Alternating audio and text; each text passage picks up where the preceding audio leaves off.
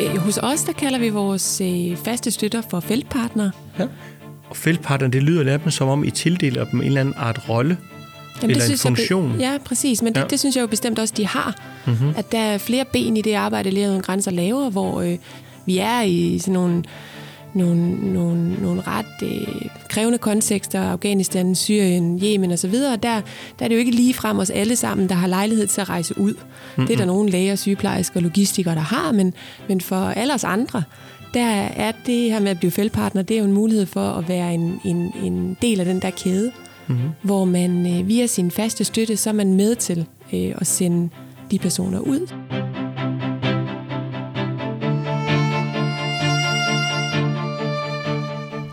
Velkommen til Subscription Talks.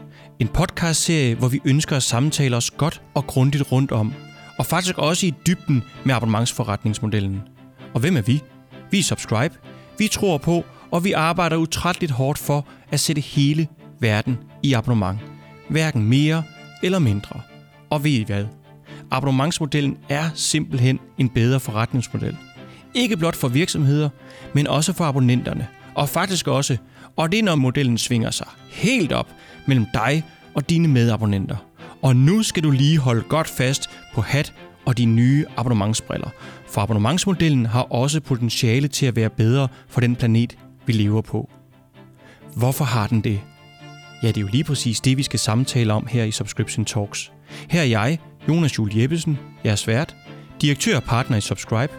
Velkommen til Subscription Talks. Og så velkommen til afsnit nummer 9. Og her skal vi faktisk besvare et rigtig spændende og relevant spørgsmål. Hvad kan kommercielt orienterede abonnementsforretninger lære af indsamlingsorganisationer, som for eksempel NGO'er, sygdomsorganisationer, medlemsforeninger osv.? Og det har jeg sagt sus med glædet mig meget til. Fordi spørgsmålet er vigtigt, men faktisk også fordi, Charlotte, at du er med, kære kollega. Man kan jo egentlig godt kalde dig, Charlotte Hoffmeier, for sådan lidt en ukronet abonnementstosse, kan man ikke det? Men sådan en særlig hang til organisationer og medlemsforretninger. Jo, det ikke synes jeg lyder meget Jeg synes, vi har haft en del samarbejde her på det seneste, og har det jo faktisk også lige nu her, hvor vi, hvor vi er ude i organisationer og prøver at bruge vores abonnementstricks øh, på dem, men faktisk også at trække læring med ud. Så. Ja. så vi er jo i det her spørgsmål hele tiden, hvor, hvordan, kan vi lære, hvordan kan vi lære hinanden? Jeg kunne egentlig godt tænke mig, inden vi sådan kaster os ud i, i spørgsmålet, og inden vi øh, åbner op for mikrofonerne hos vores to gæster, så kunne jeg egentlig godt tænke mig at spørge dig om, hvad egentlig, altså det forudsætter, at der er et slægtskab mellem de to, abonnementsforretningen og indsamlingsorganisationen. Hvad er egentlig slægtskabet set fra din side? Jamen, der er flere elementer, der gør, at de minder om hinanden. Øh, de begge forretningsmodeller med den her fortløbende betalingsrelation med kunderne eller medlemmerne. De står begge i det her fastholdelsesgame, som vi taler rigtig meget Mhm. om. Det handler ja. om at sikre en kontinuerlig værdi, når man taler om at drive i hvert fald en succesfuld abonnements- eller medlemsforretning. Det kræver ofte, at man som virksomhed eller NGO skal sørge for at forblive relevant. Ja. Altså skabe ja. ja. det her tilhørsforhold og forstå, hvad der driver fastholdelse, og ikke kun gå op i, hvad der driver churn eller afgang, som, øh, som mange forretninger i hvert fald generelt har en udfordring med. Og det synes jeg faktisk er interessant, det her med at holde sig relevant. Mm. Fordi noget af det, vi skal snakke med vores gæster om øh, lige om lidt, det er jo også det her med, altså også det der signal, der ligger i, at man er en indsamlingsforretning. Så synes jeg lidt, det lugter lidt af, at man starter op for en indsamling, og så går man videre til det næste, man kan få lov til at indsamle hos. Mm. Fordi at de er lidt midler, altså donorerne, sponsorerne, medlemmerne er midler for et højere mål. Ja. Så hvordan, hvordan altså det der med, at man er fortsat relevant, det, det kan vi lige vende tilbage til. Ja. ja. Men øh, det er jo også interessant at se, at den operationelle drift og den metodik, Ja. ja. der ligger til grund for at drifte en abonnements- eller en medlemsforretning, faktisk minder overraskende meget om hinanden. Mm. Og, øh, og vi ser, at øh, nogle af de samme kompetencer og ressourcer øh, kan egentlig begå sig både i en meget kommersiel abonnementsforretning, men også i en medlemsorganisation. Ja. Så der er også en, øh, en sammenhæng der. Og så er der også nogle forskelle. Og, øh, og det er også noget, vi gerne vil tale med vores gæster om senere, men øh, vi så i hvert fald i sidste uge, at Kraftens Bekæmpelse meldte ja. ud, at de vil øh, udvikle, videreudvikle på deres lotteri, som er et Mhm. meget populært øh, element i deres indsamling, hvor Ja. ja. de faktisk omsætter for mere end 40 millioner om året. Og øh, videreudvikle det til sådan en online casino. Ja. Og øh, det fik de i hvert fald øh, en masse høvl for i medierne, og sige, generelt øh, gik danskerne til tasterne, og, øh, og udfordrede den her øh, nye model for at indsamle penge rigtig hårdt. Og, øh, og det endte jo faktisk med, at kraftens, bekæmpelse, kraftens bekæmpelsesdirektør gik ud og trak i land og sagde, at øh, så må de finde en anden måde at samle penge ind på. Jeg synes, vi, jeg synes lige, vi skal tage den snak med, når vi åbner op for mikrofonerne hos vores gæster, fordi jeg ved altså ikke rigtigt, jeg er altså ikke helt færdig med at tænke over den sag der, mm. øhm, omkring om det er forsvarligt, eller det er fair, øh, eller, eller hvad der er op og ned i den sag der. Det, det, det er vi nødt til at lige undersøge noget nærmere. Fordi hvis det er den måde, man kan opnå sit mål, altså at få nedbragt øh, kræftsygdom i Danmark og i verden, hvis det er det, der skal til, jamen altså, så er det vel det, der skal til. Altså hvis folk de hellere vil spille online, end at spille på noget lotterihalløj, jamen er det ikke bare at følge med, er det ikke bare at modernisere der sig? Er det ikke deres måde at digitalisere sig på? Og det snakker vi jo ellers positivt om i alle mulige sammenhæng. Så den, hold lige fast i den, Charlotte. Den vi holder lige... fast i den. Det var ja. i hvert fald bare interessant at opleve, at øh, når, det, øh, når det lyder mere kommercielt, end det måske egentlig er, ja. Så, øh, så resonerer det i hvert fald ikke i den brede befolkning. Så øh, det var i hvert fald øh, en læring, tror jeg, for kræftens bekæmpelse. Ja. Den skal vi lige prøve af, mm. den der. Så synes jeg, vi skal, Charlotte, byde velkommen til vores to gæster ja. og åbne op for deres mikrofoner. De er jo allerede. Kim og Christina.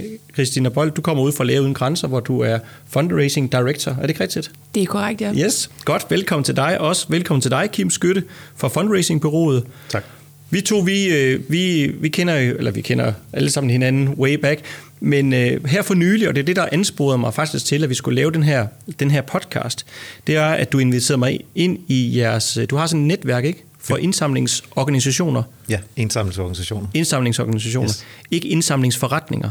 Nej, vi er ikke øh, så... Øh, jeg, jeg, jeg stødte lidt over ordet indsamlingsforretning, og jeg er jo jeg er med på, at det er en forretning, man laver i organisationerne, men organisationernes ja. egen forståelse vil jo være, at vi er der for et, et større almindeligt nyttigt formål, at ja. vi er øh, en organisation, en forening, drevet af frivillige og ildsjæle, ja. og dermed lidt modsætning til det der kommercielle forståelse af, at jeg er en forretning. Forretning lyder mere kommercielt.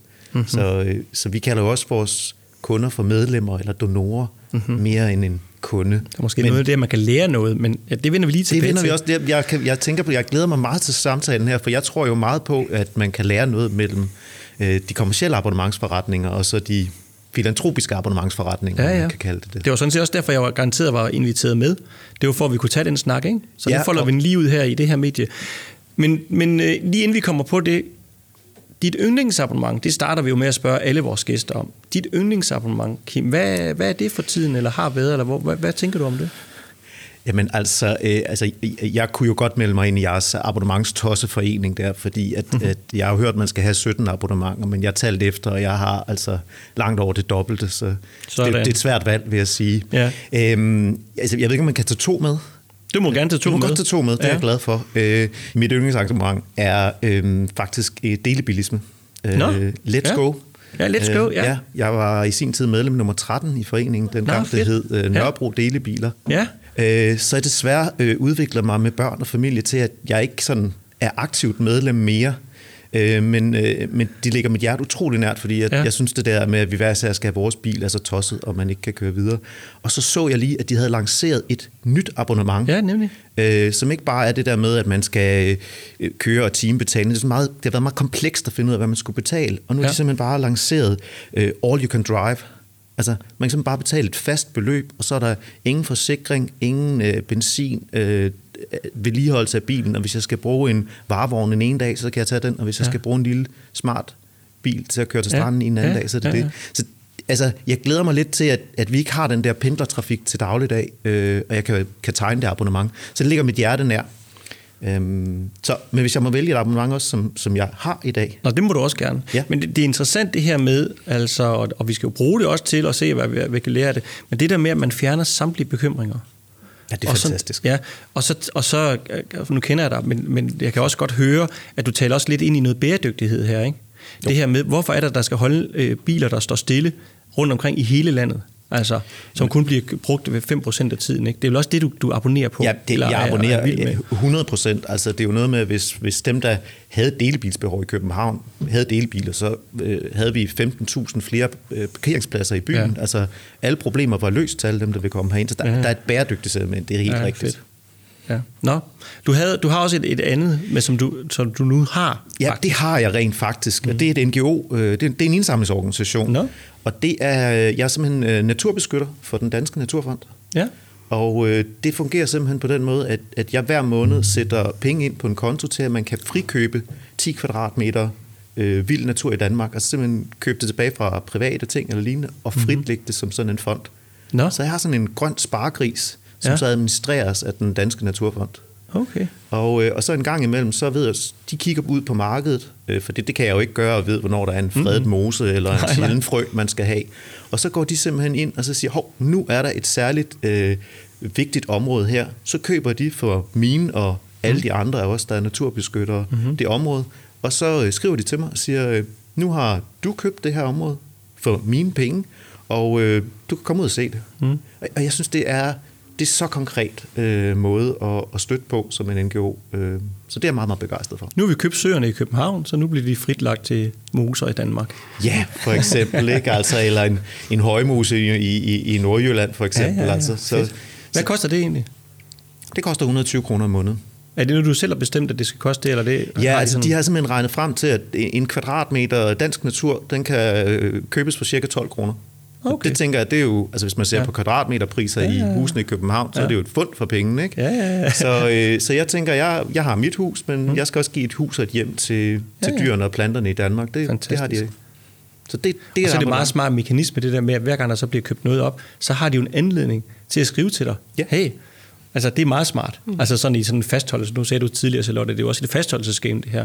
Altså, så giver det jo mening, ikke? Ja, og jeg synes, det løser et problem, som mange øh, indsamlingsorganisationerne tit mm. løber ind i, som mm. er, øh, hvad skal vi tilbyde for din donation?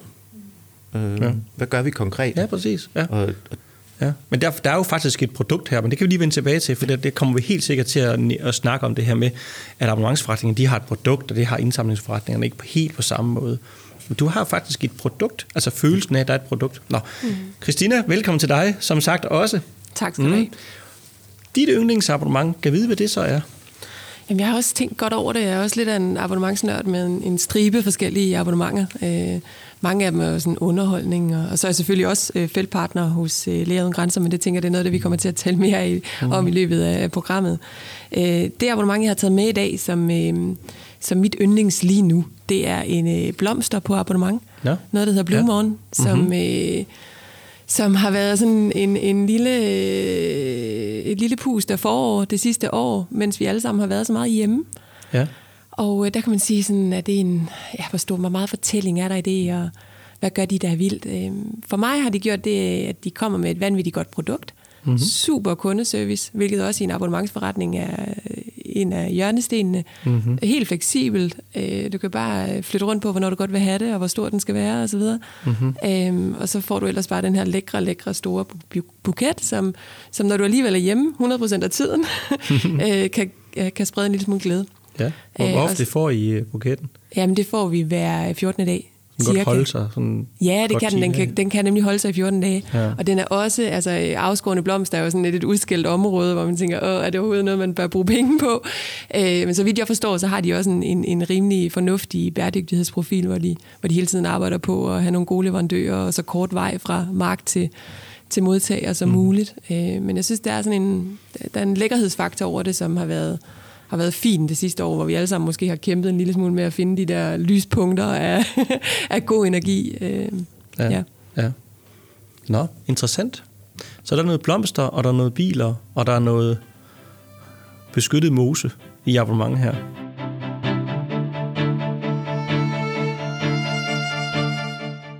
Allerførst, sådan, bare sådan helt grundlæggende, hvad kalder I egentlig over i indsamlingsverdenen? Hvad kalder I egentlig, Christina, jeres nu siger jeg det bare, bare for at sætte det på kanten, kunder eller abonnenter. Hvad kalder de? Hvad... Øh, øh, hos os, der kalder vi vores øh, faste støtter for feltpartnere. Ja. Og det er alle dem, der alle de privatpersoner, der støtter Læger Uden Grænser fast. Om det så er hver måned, eller halvårligt, eller årligt. Mm. Øhm, og det er det, vi kalder dem i vores øh, samtale med dem. Mm. Øh, og også udadtil. Øh, og vi er ikke en medlemsorganisation, så vi har ikke medlemmer på den måde. Men, men, øh, men det er alle dem, der støtter vores arbejde fast. Feltpartnerne, det lyder lidt som om, I tildeler dem en eller anden art rolle. Jamen, eller det en synes jeg funktion. ja, præcis. Men det, Ja. det synes jeg jo bestemt også, de har. Mm-hmm. At der er flere ben i det arbejde, Læger Uden Grænser laver, hvor øh, jeg tror, øh, mange kender os jo for at være den her organisation, der sender medicinsk personale ud i områder, hvor der ikke er andre medicinske faciliteter tilgængelige. Vi er i sådan nogle nogle, nogle, nogle ret øh, krævende kontekster, Afghanistan, Syrien, Yemen osv., og der, der er det jo ikke lige frem os alle sammen, der har lejlighed til at rejse ud. Mm-hmm. Det er der nogle læger, sygeplejersker og logistikere, der har, men, men for alle os andre, der er det her med at blive feltpartner, det er jo en mulighed for at være en, en, en del af den der kæde, mm-hmm. hvor man øh, via sin faste støtte, så er man med til øh, at sende de personer ud, som, som rent faktisk skal gøre noget, eller hjælpe de, de, det personale, vi har øh, øh, on ground øh, Ja, ja, på, på ja. stedet. Ikke? Ja. Mm. Så jo, bestemt, jeg, jeg, jeg, jeg betragter feltpartnerne som en, en, en vigtig del af vores, øh, af, vores arbejde. Ja, så det er ikke sådan et tilfældigt label.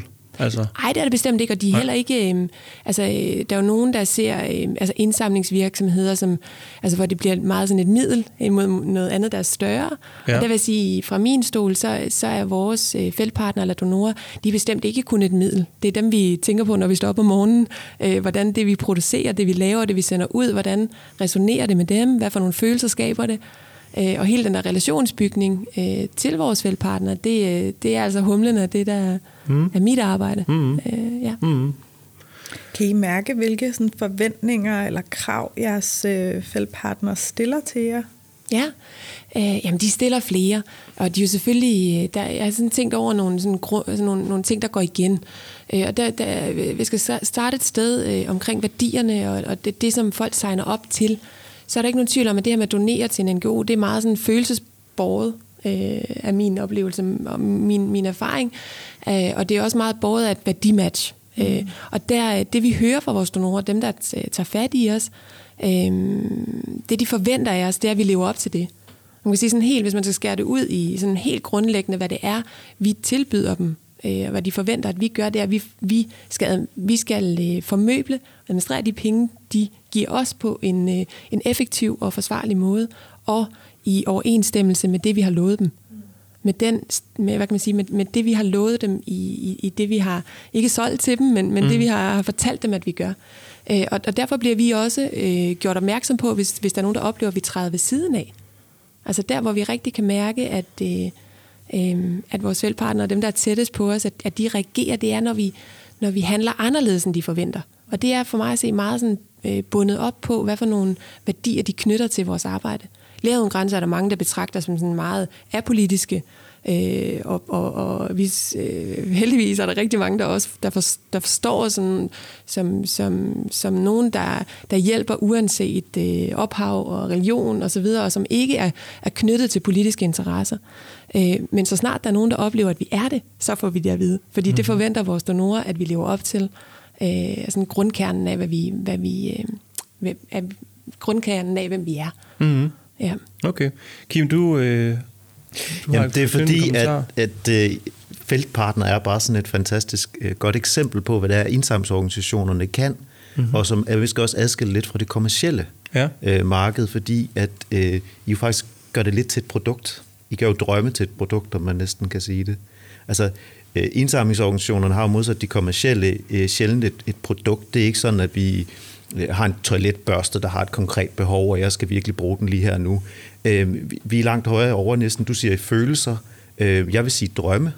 Altså det er jo det, der er god fundraising. Der, der findes jo selvfølgelig både god og dårlig fundraising, men, men, men dårlig fundraising, som de fleste har, det er sådan, når man bliver lidt følelsesmæssigt afpresset. Ikke? Der sidder sådan en, øh, her er der et barn, dør, hvis du ikke køber 20 kilo ris nu.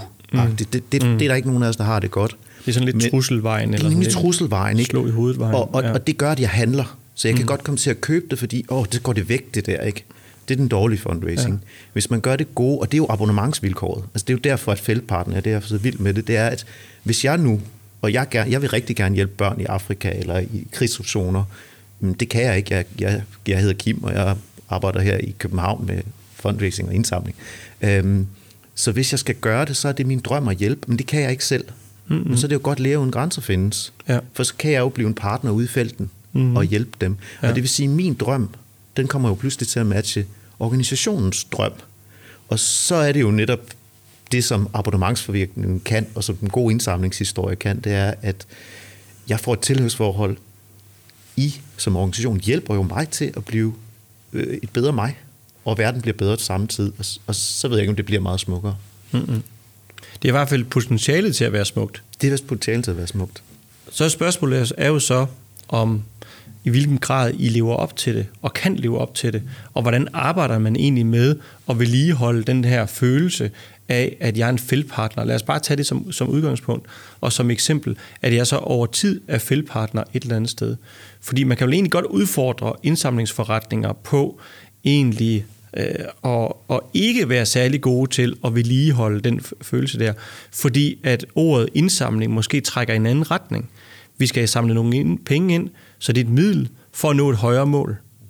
Altså, nu sagde du, Christina, lige før, jamen altså, vi tilsidesætter ikke vores donorer, vores feltpartnere. Nej, de, det, det er faktisk dem, vi står op for. Altså, kan du ikke prøve at sætte nogle ord på, hvordan I arbejder med faktisk at vedligeholde, passe og pleje den her følelse, den her oplevelse af at, at være feltpartner? Ikke bare i det øjeblik, hvor man siger ja tak, men faktisk også over tid. Jo, det kan du tro. Øh, jeg tror, jeg vil lige starte med at, mm. hurtigt kommentere på det, du siger der med indsamlingsforretning eller indsamlingsorganisation. Ja. Det, er jo der, det er jo nogen, der har valgt, at vi hedder det, kan man sige. ikke? Fordi vores sådan, grundessensen af det, vi laver, er jo, det, er jo, det er jo slet ikke sådan noget hok. Det er jo hver dag over tid, ja. at vi bygger på de relationer, vi har til vores donorer. At vi, øh, og dernæste, der hvor jeg tror, jeg vil starte øh, svaret, det er, at, at vi kigger jo hele tiden på, hvor lang tid vi lykkes med at beholde vores donorer i vores øh, butik. Øh, og nogle af de primære parametre, som, som, som vi følger hele tiden, er jo, hvad, hvilken livstidsværdi vi, vi kan forvente, baseret på, hvor folk kommer ind fra, hvordan de agerer osv., osv. ligesom man gør i andre øh, øh forretninger. Øh, og, og det, det vil sige, vi, vi har nogle sådan ret klare mål for, hvordan vi skal, hvordan vi skal holde fast ja. i vores donorer. Ja. Øh, og vi ved jo også, at det er, det er særligt at det første halve år, der er skrøbeligt. At det er der, der er mange, der enten så lykkes du med at holde fast i dem, eller så gør du ikke. Når de først er ude over den periode, så har du en, en, en lysere fremtid i forhold til en lang relation til en, en ny donor. Ikke? Men det vi gør, det er, at vi, vi, vi arbejder meget med, øh, med vores kommunikation selvfølgelig. Altså storytelling og, og, øh, og, og opdateringer fra vores arbejde er jo sådan et af vores primære produkter. Øh, det, er sådan, det er sådan kernen af det. Mm. Vi, skal jo fortælle, vi skal jo fortælle de her mennesker, som har, har myndiget os med deres penge, skal fortælle, hvad de er gået til. Sådan helt basic. Og der, hvor vi så i, hvor vi sådan mere sådan nede i sådan abonnementstanken øh, arbejder og nørder, så det handler det jo om, øh, hvad for en timing vi gør det med. Hvad skal der ske, når du lige er kommet ind? Hvordan kan vi bekræfte dig i, at det var en rigtig god mm. beslutning, at det lige var os, ja. du valgte?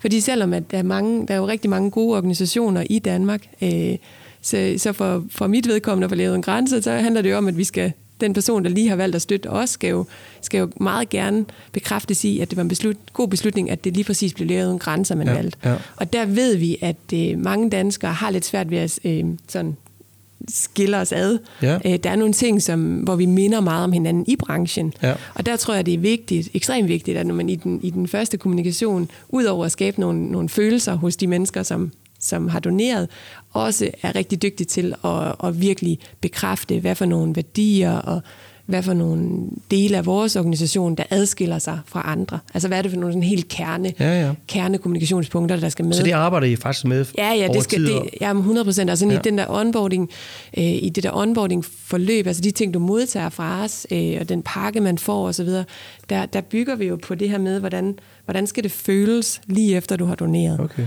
Øh, og hvordan skal det føles, når du får din velkomstpakke? Hvordan skal det føles næste gang, du får et nyhedsbrev? Øh, og hvad for en timing skal vi ramme dig med? På hvad for nogle medier? Og alt det nørdet gør mm. vi jo mm. også. Men, mm. men i bund og grund, så handler det jo meget om det der med at, at bekræfte en følelse, tror jeg. Bekræfte en beslutning. Altså, det skal ikke være nogen hemmelighed, Christina, at vi har inviteret dig med, for vi ved godt, I er lidt på forkald, og I er lidt frem i skoene med at kunne det her. Men altså, hvis jeg nu lige retter blikket over mod, mod Kim og Charlotte, som hvis I nu lige kigger ud over branchen som helhed, fra hver jeres stol.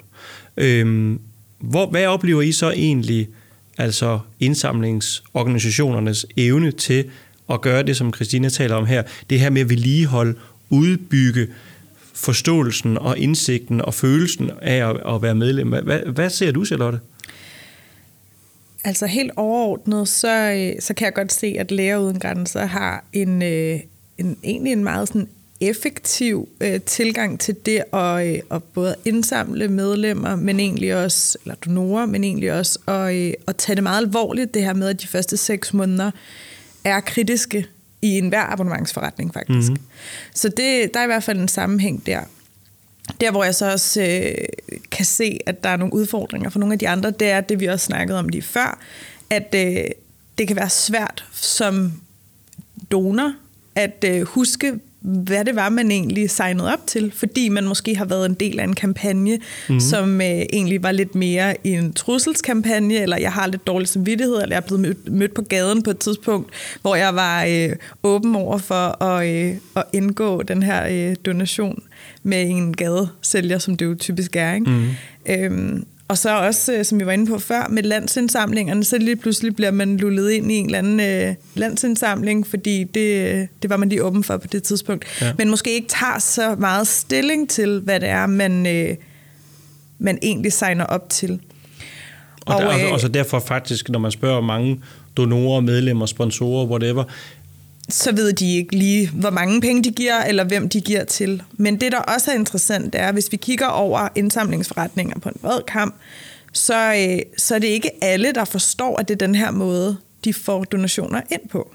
Mm-hmm. Og, og, øh, og der kan man jo godt lære af det her med at egentlig kigge det på, som, som den måde Christina nævner, med at der skal en onboarding til for at faktisk at få et medlem til at blive og bekræfte dem i, at det her, det kan noget for dig. Mm-hmm. Og i hvert fald også bare gøre alle den tjeneste, at, øh, at gøre det synligt, hvad det er for et udbytte, man får ved at, øh, at være, være donor. Ikke?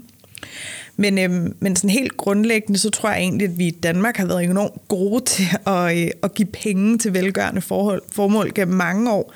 Men det er måske også bare blevet lidt en kamp om, øh, om de her... Øh, sign-ups, eller hvad det kan være, ja. i, i, i både sådan i et affiliate-sammenhæng, ikke? at man er, det bliver dyrt også at indsamle det sidste medlem, og derfor så bliver det jo i højere grad vigtigere at sikre en god fastholdelse af dem, man nu får ind, så man ikke hele tiden er ude og, øh, og fiske i den samme lille sø. Hvad, hvad siger du, Kim? Jamen, jeg vil jo sige, at, at øh, indsamlingsorganisationerne var jo på mange måder længere fremme i abonnementsskoene end, end mange af de kommercielle virksomheder. Øhm, og det afspejler nok i virkeligheden lidt af de problematikker, der er. Øhm, Facerne var på gaden i starten af nullerne, øh, hvor de fleste virksomheder dårligt nok havde opfundet abonnementsbegrebet endnu. Det, det ved du mere om, det ved jeg. Øhm, men, men, men der var de jo på gaden og værvede folk øh, telemarketing og face-to-face i Danmark. Så mange af NGO'erne har jo faktisk en erfaring inden at resten af kommercielle Danmark begyndt at have abonnementsforretninger. Der er bare det lille problem, at jeg synes i hvert fald at se i organisationerne, det er, at man har i perioder måske været lidt forblændet af teknikkens effektivitet. Ah. Mm. Altså det her helt klassisk med, at, at vi møder folk på gaden, og så siger de ja, og det gør det også, når vi ringer, og det gør vi også. Så, så man har haft sådan en meget stort fokus på teknik, og faktisk også det her sådan med øh, rekrutteringen ind, og det har gået så godt, så der måske ikke sådan på forkant har været den her sådan, opmærksomhed på god onboarding. Og det synes jeg, man kan se, at det har mange NGO'er sådan, lært sådan lidt tumlende op igennem nullerne og ind i tierne. Ja, for det er lidt interessant, sådan, hvis man går sådan af historievejen, ikke? at du siger, der var, der var faktisk noget med, at NGO'erne, indsamlingsforretningerne, organisationer var på forkant. Det, det kan jeg, den, den køber jeg faktisk. Og så lærte man i abonnementsforretningerne, kommer man tumle lidt efter, så pludselig så havde aviserne også gadesælgere, ikke også? Men nu er det lidt som om, ærligt talt, det er lidt, vendt lidt om, fordi dem, der stadigvæk hænger tilbage og køber affiliate og teknik og, og telemarketing og står på gaden stadigvæk, og som måske ikke helt har styr på sin digitale sign-up og onboarding, det er indsamlingsorganisationerne. Ja, ja, eller er det, det for udfordrende at sige det, eller hvad? Nej, det er det ikke, men det er også fordi, der ligger sådan en underliggende tanke i, i det at give til, til velgørenhed. Mm-hmm. Altså det er, hvis man kigger bredt, så er der vel en 15-20 procent i Danmark, der giver sådan rent altruistisk. Altså jeg mm-hmm. giver bare, uden ja. at forvente at få ja. noget igen. Og de fleste af os, vi vil rigtig gerne have noget mere. Øh, og der kan man sige, hvis du er en klassisk organisation, Folkekirkens Nødhjælp, som jeg har været i, jamen der, der giver man et religiøst etisk argument. Og det vil mm-hmm. sige, de fordrer egentlig ikke at få noget retur. De bliver ikke sure eller forlader dig. De ligesom committer sig livslangt til det. Og der ser man jo bare i face, altså Facebook og alt den her mig, mig, mig, der sker der også et enormt ændring i, i den givermønster, man har. Aha. Så fra at støtte en organisation og en sag og gøre det livslangt, så går det meget mere efter enkeltsager, mærkesager. Øh, fortæl mig, produktificer i virkeligheden indsamlingsorganisationen. Og der synes jeg, der er et en meget stor diversitet i markedet i, hvor mange har forstået, at de faktisk er nødt til at gøre deres langsigtede udviklingsbistand til give en ged, som mm. man kan lægge under juletræet, ja. eller skal man i virkeligheden gøre det til en feltpartner, der mm-hmm. gør noget. Altså de kalder det donor og støttemedlem og sådan noget andet generisk, ja. og, og det, det er en farlig suppe at blive hængende i. Okay. Du har en kommentar, Christina? Jamen det har jeg, fordi jeg synes, der er noget, øh, jeg er meget, meget enig i en stor del det, du siger, der er nogle gode pointer i, hvad man, hvad vi har set i branchen, og også din opsummering i. Altså, det kan godt være, at vi var først, men har vi, altså, er vi helt med? Mm. Øh, og, og to ting i den forbindelse. En af de ting, jeg synes, man kan konkludere, er også, at der i, i en god branche har været meget, meget stort fokus på volumen. Ja. Øh, altså på et indtræk, øh, nu nævnte du affiliate før, altså det der med at få mange ind, øh, og, øh, og, og måske et mindre fokus på livstidsværdi, ja. og, og, og dygtigt kunne følge de data, der indikerer, hvor lang tid du øh, holder dine donorer, så du kan holde den rigtige effektivitet over tid. Ja. Og der har vi selv været igennem, øh, vi har nogle ret lojale donorer, øh, og vi har også været igennem forskellige aktiviteter, som vi har måttet skrotte igen, blandt andet affiliate, fordi vi kunne se, at deres livstidsværdi kunne slet ikke leve op til de effektivitetskrav, vi har.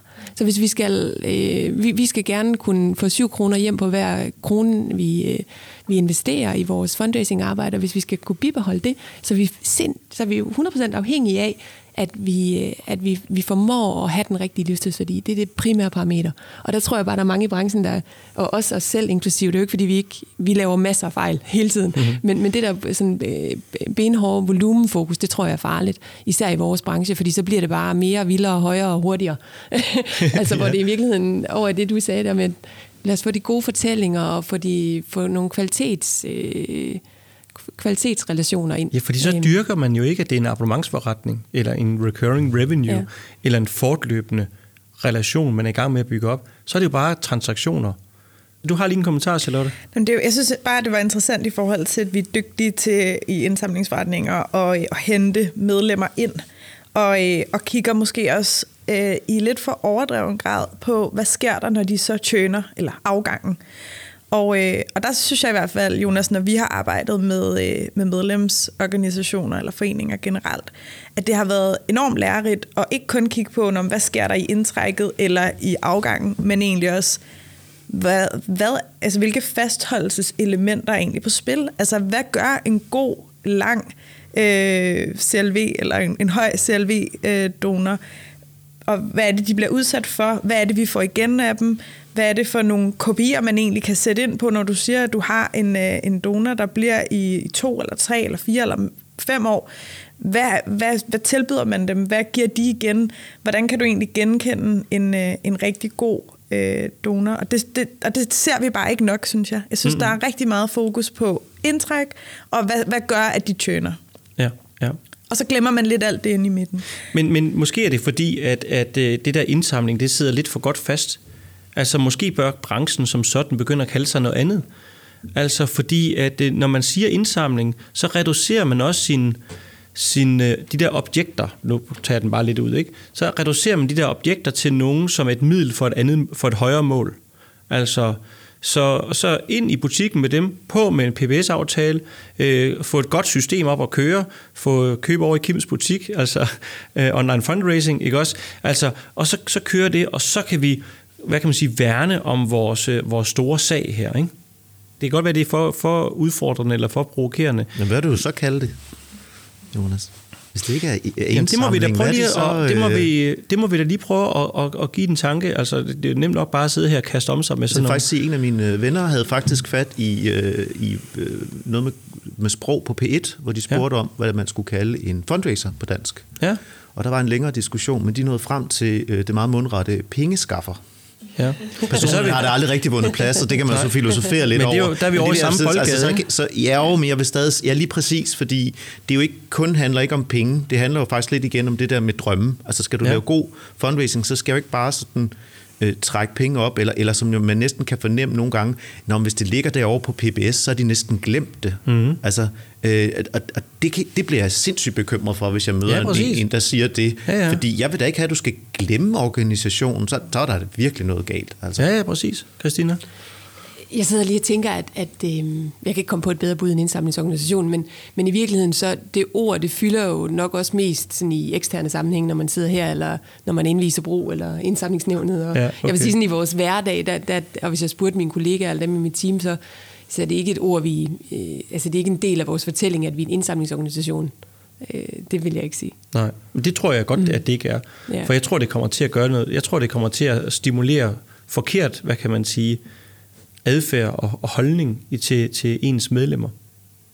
Altså, fordi vi, altså, for eksempel, hvis man, der hvor jeg tror, at, øh, at de to forretninger, slægtskabet mellem de to modeller, abonnementsforretning og indsamlingsorganisationer, der hvor de møder hinanden, det er evnen til at skabe medlemsoplevelser, medlemsfølelser. Og, øh, og det, er et- det er et kæmpestort job for begge sider. Så kan det godt være, at, øh, at abonnementsforretningen de tit og ofte har et produkt, men hvis de reducerer sig selv til bare produktet, og ikke det udbytte, som produktet kaster af sig, eller giver muligheder, enten til den enkelte abonnent eller mellem abonnenterne, jamen så er de også i gang med at reducere sig selv ned mod et eller andet bare indsamlingsnåde. Altså, så, så jeg synes, det er interessant det der med at gå over og diskutere det her med, hvordan skaber vi en eller anden, en eller anden form for medlemsfølelse.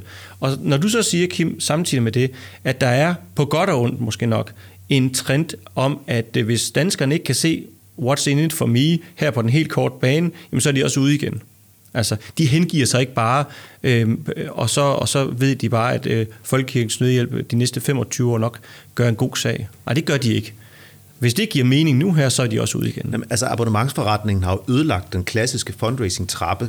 Altså, der var jo ideen om, at man gav en enkelt donation, og så gav man en ekstra donation, og så gav man, blev man medlem, og så Ja, gav man ja. et fast støtte, og så gav Ja. man måske et gavebrev, og så selvfølgelig arv og testamente til Ja, sidst. præcis, ja. Øh, og, og den er der jo stadig nogen, der sidder og græder over, fordi der er nogen, der kommer ind og giver et højt månedligt beløb, men kun i to måneder, mm. eller to år, mm-hmm. og så er de videre. Ja. Men det er jo ikke fordi, at sagen ikke kan bo i deres hjerter, og de kan komme Nej. tilbage. Så, så organisationerne, ser jeg, har et kæmpe arbejde netop i, i spændet mellem churn og værvning. Det er, hvordan får jeg sagt godt farvel? For vi kommer måske til at sige Ja, ja. goddag igen. God point. Altså, Ja. Og hvordan er det, vi, producer, vi taler om tingene? Og når du siger, skal vi kalde det noget andet, så vil jeg sige, det er nok måske den trend, jeg også ser. Altså når Læger Uden Grænser kalder det feltpartner, så har I jo ikke altid gjort det. Altså, det har jo netop heddet støtte, PBS-støtte. eller PBS-støtte. Lige præcis, Nå, ja, det er ikke? rigtigt, altså, ja. og, og, jeg ser, altså, Ej, er det og, og det er jo måske det, vi som indsamlingsorganisationer kan lære af øh, de kommercielle, det er jo at produktgøre. Altså, mm-hmm. hvad er det, jeg får hjem i min postkasse? Eller hvad er det som alternativ til den der måltidskasse? udbyttegøre. Ja, udbyttegøre, mm-hmm. hvordan det er der. Og, og der har det jo også nogle gange en, en dårlig smag, det der med at have et udbytte, skal jeg ikke bare give Nå ja, sådan okay. okay. og frit og sådan noget. Ja. Så, så der er også en masse internt, der, der står i vejen for det.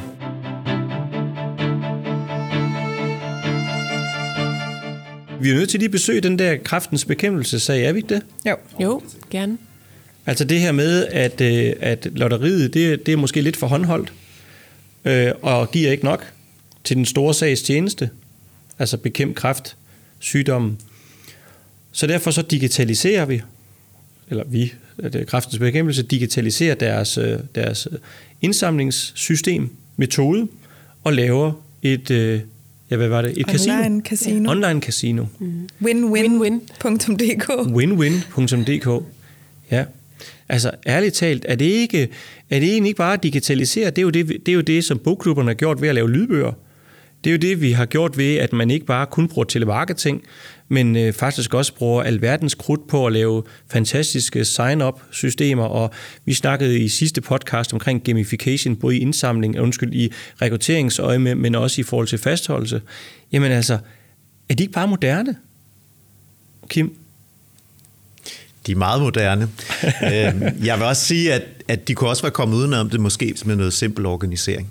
Mm-hmm. Altså fordi det, der måske i virkeligheden er, er, at man jo til indsamlingsorganisationen har en iboende forventning om en anden adfærd. Altså, vi skal være mere transparente, vi skal Aha. være mere øh, gennemsigtige, og der er jo, altså alle indsamlingsorganisationerne, i hvert fald de, de seriøse af dem, har jo et indsamlingsetisk kodex, ja. vi lever op til. Og det er jo ikke sagt, at kraftens bekæmpelse overtræder det kodex. Det tænker jeg bestemt ikke, de gør. Men der er bare den her sådan, forventning om, at organisationerne er lidt bedre end alle de andre. Mm-hmm. Og jeg tænker, det er jo det, der går galt. Fordi hvis du havde haft en kommersiel virksomhed, der hed Win-Win Corporation, som donerede hele deres omsætning og overskud til kraftens bekæmpelse, så havde den her sag jo været væk. Ja, så er det ikke eksisteret. Det er ikke eksisteret, ikke? Altså, og man må også godt være kommersiel på andre planer. Der er jo mange organisationer, som har øh, store genbrugsforretninger, som har øh, sekretariater og, og store ting, som laver overskud. Det må de godt, fordi det er noget med genbrug og bæredygtighed og, og, og den slags ting. Så, så det er en interessant, hvor, hvad må man og hvad må man ikke? Mm-hmm. Og, og, og det er nok ikke noget, man kan sådan skrive ned, men jeg er sikker på, altså, ja, det er noget, vi måske skal snakke videre om her, nemlig for at finde ud af, hvad jeg synes, det er interessant, at du har taget den op, Charlotte. Det er jo også det her med, at vi er i gang med at spørge, hvad kan vi lære hinanden? Fordi spørgsmålet er, om, om man her kan lære noget af hinanden. Men altså, lad os lige holde fast i den her, Christina. Du vil sige noget til det. Jamen, jeg synes, det er en sindssygt interessant case. Ja. Øh, og øh, for mig at se, så, øh, så må vi gerne tænke kommercielt i NGO-branchen. Det er vi nærmest forpligtet til, fordi vi skal gøre vores arbejde ordentligt, hvor vi får mest muligt ind, til vores, som vi kan bringe videre til vores formål. Men vi gør klogt i altid at øh, have øje for, hvad for en fortælling vi kan gå ud med. Ja. At øh, der for mig at se, når vi skal lave noget kommercielt øh, som indsamlingsorganisation eller som NGO, så, så skal det altid være bundet op på en fortælling, som tager udgangspunkt og som er naturligt knyttet til det arbejde, du laver. Og der er der for mig at se, uden at, at skulle vurdere sådan grundlæggende, mm-hmm. hvorvidt det er rigtigt og forkert, det de har gjort i kraftens bekæmpelse, det, det er jeg sikker på, det er det sidder de selv og, og, og grubler lidt over. Men, men det her med, jeg, jeg, jeg tror måske, de kunne have, med, med, de kunne have tænkt fortællingen lidt, lidt bedre igennem, og hvordan den egentlig bliver, bliver leveret og modtaget. Og især når man er ude i noget, hvor der er noget i, i, i grundfortællingen, som faktisk strider lidt mod deres formål. Og det er, når man er sygdomsbekæmpelse, og man har noget ludomani på den anden side, som, som hvor, det, hvor det måske kan ah. clashe lidt. Ja. Øh, og der, der, der tænker jeg, at øh, i alle sammenhænge faktisk, vi som øh, NGO går ud og, og lader os inspirere af den kommercielle branche og laver samarbejder. Meget relevant i forhold til partnerskaber og samarbejder også.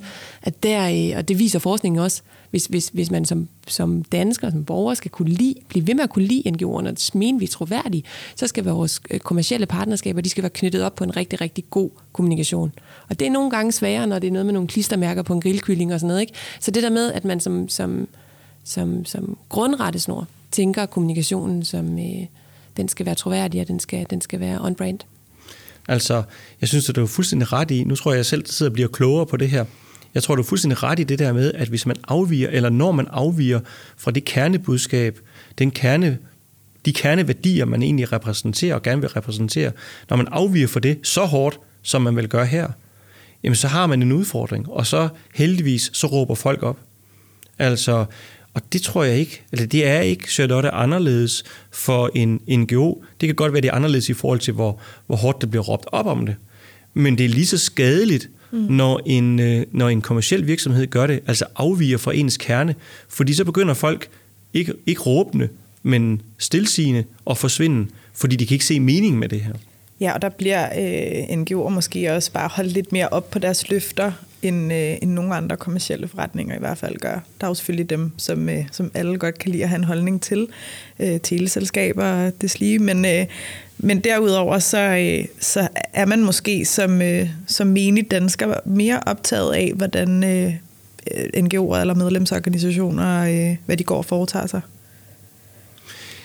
Der er i hvert fald en anden ting, jeg synes også er meget interessant, det er, at der er jo en trend lidt blandt også nogle abonnementsvirksomheder, også til at tage et meget stærkt værdi mm. øh, sæt, ja. og tage det ind, i virkeligheden lyde lidt som en NGO. Altså, ja.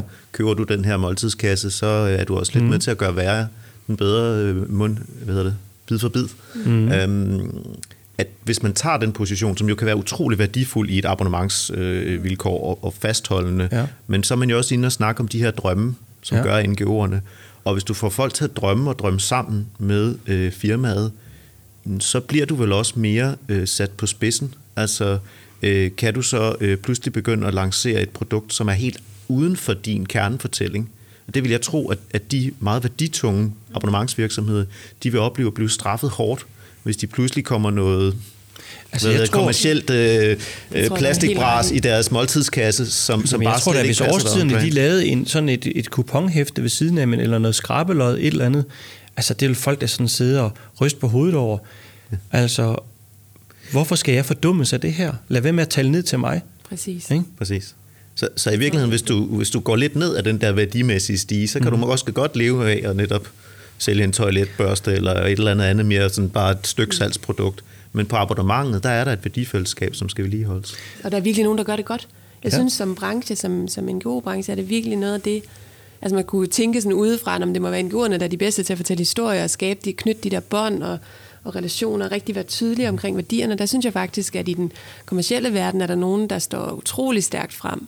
Hvad med som, det for øh, eksempel? Jamen jeg synes eksempelvis årstiderne. Det, jeg har også haft årstiderne i mange år. Det bliver en del af, af mit, mit brand og min ja. fortælling og hvem jeg er. Og det er sådan noget, du godt kan lide at, at dele, at uh, du har mm. årstiderne. Men det er fordi, de har været tydelige omkring, hvem de er. Mm.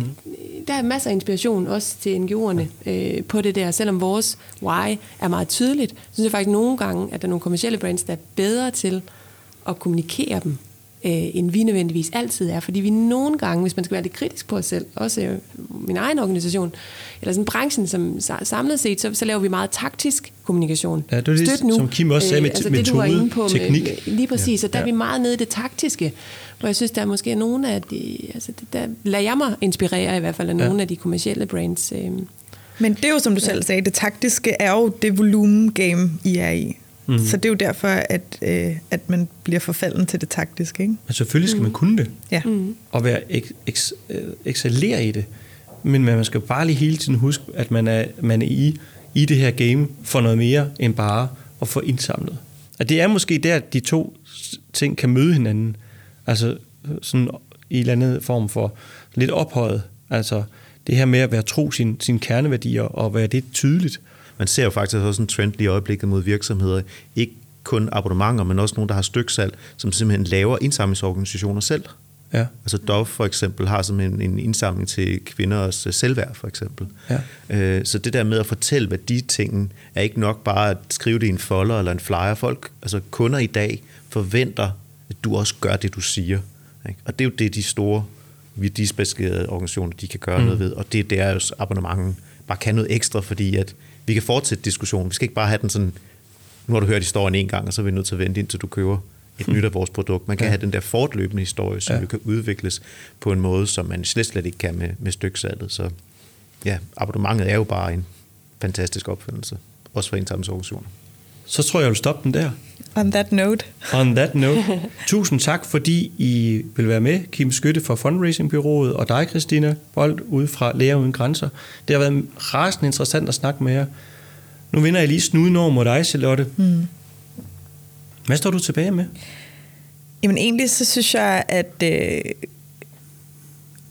specielt det element omkring, at øh, hvem der kom først, altså med, oh, ja. med hele sådan uh, acquisition-delen, altså hvordan er vi ude at værve, som, som man jo kalder det i den her verden, uh, tilgangen af medlemmer versus det at kunne fastholde dem, og, uh, og hvad det er for nogle midler, der skal i brug nu her uh, i medlemsorganisationerne, for virkelig at sikre, at, at man bliver bedre til at fastholde, og ikke bare tænker tilgang, afgang. Mm.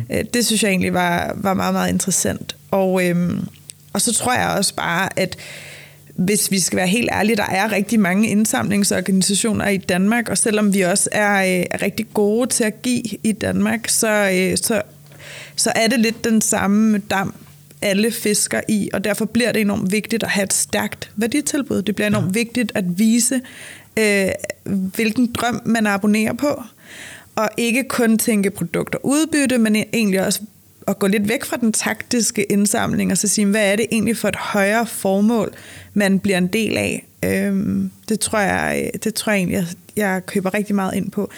Noget af det, som jeg synes var, øhm, var interessant at høre, det er den her meget sådan, metodiske tilgang, de kører hos uh, Læger Uden Grænser i forhold til at virkelig sådan at nørde ned i data og blive sådan helt effektive i deres indsamling og have, have styr på, sådan, egentlig også over for, øh, for feltpartnerne, hvordan man formidler de penge. Øhm, og så, vi ved jo godt, at øh, medlemsorganisationer er meget professionelt drevet. Øh, det er vi jo godt klar over. Vi har været inde i flere af dem. Men, øhm, men simpelthen at, at blive sådan helt tydelig på, hvad det er for en data, der er tilgængelig, hvad er vigtigt for at drive en effektiv forretning, at det i bund og grund er okay at være meget professionel og nøgtern og nørdet omkring det, fordi det kommer alle til gode, egentlig, hvordan man øh, formidler altså, det er den en indsamling. fuldstændig vanvittig tanke, at, man, at hvis man sætter amatører til det, Altså, det, selvfølgelig det er der nødt til at være professionel, så det er sådan ja. en sjov størrelse. Ikke? Ja. Det er måske også lidt noget dansk kultur, der sætter sig igennem på en eller anden måde. Men, men, men man ja. sætter ikke amatører til at værne om noget, der er så, så vigtigt. Nej. Øhm, selvfølgelig gør man ikke det. Og det, det synes jeg da sådan set bare, at organisationerne de skal rådyrke professionalismen mm. i den store sags tjeneste. Ja. Jeg, jeg, jeg synes, det er nogle fede punkter, du, øh, gode punkter, du trækker op. Øh, og hele det der med, jamen altså, det der med at abonnere på en drøm, en værdi, troen på det bedre. Og det kan sætte sig igennem i materialer, i fortællinger, i oplevelser, i gøremål, på alle mulige måder. Det er også derfor, man hører sådan noget ordet engagement, det sætter sig igennem. Mm. Øhm, det er vigtigt, selvfølgelig for, for, for den type organisationer, men det er faktisk også vigtigt for abonnemenceorganisationerne. Bestemt. Ja. Fedt. Det er der, pengene ligger. Det er der, pengene ligger. det er i drømmene. Ja. Fedt. Hvad hedder det? Tak til dig, Charlotte. Tak. Det var fedt at lave podcast sammen med dig. Ja, i lige måde. Tak ja. fordi jeg måtte være med. Det har været meget lærerigt. Fedt. En fornøjelse. Så øh, vil jeg egentlig gerne sige tak for den her gang. Tak til dig, Charlotte, som sagt. Også tak til, til dig, Kenneth. Kenneth, hvem er det? Kenneth Sperling, som sidder her ved siden af os, og som med sikker hånd styrer vores, vores lyd og er vores uundværlige indholdssamarbejdspartner. Og øh, så håber jeg, at øh, du derude, kære lytter, du vil abonnere på den store abonnementsbevægelse, men faktisk også på podcasten her. Og hold dig nu endelig ikke tilbage med gode råd, idéer til, til indhold. Dem sætter jeg og vi kæmpestor pris på. Abonnementet her, det er ikke gratis, for jeg håber, det vil koste dit nærvær og måske lidt anstrengelse som er anbefalet til andre. På genhør.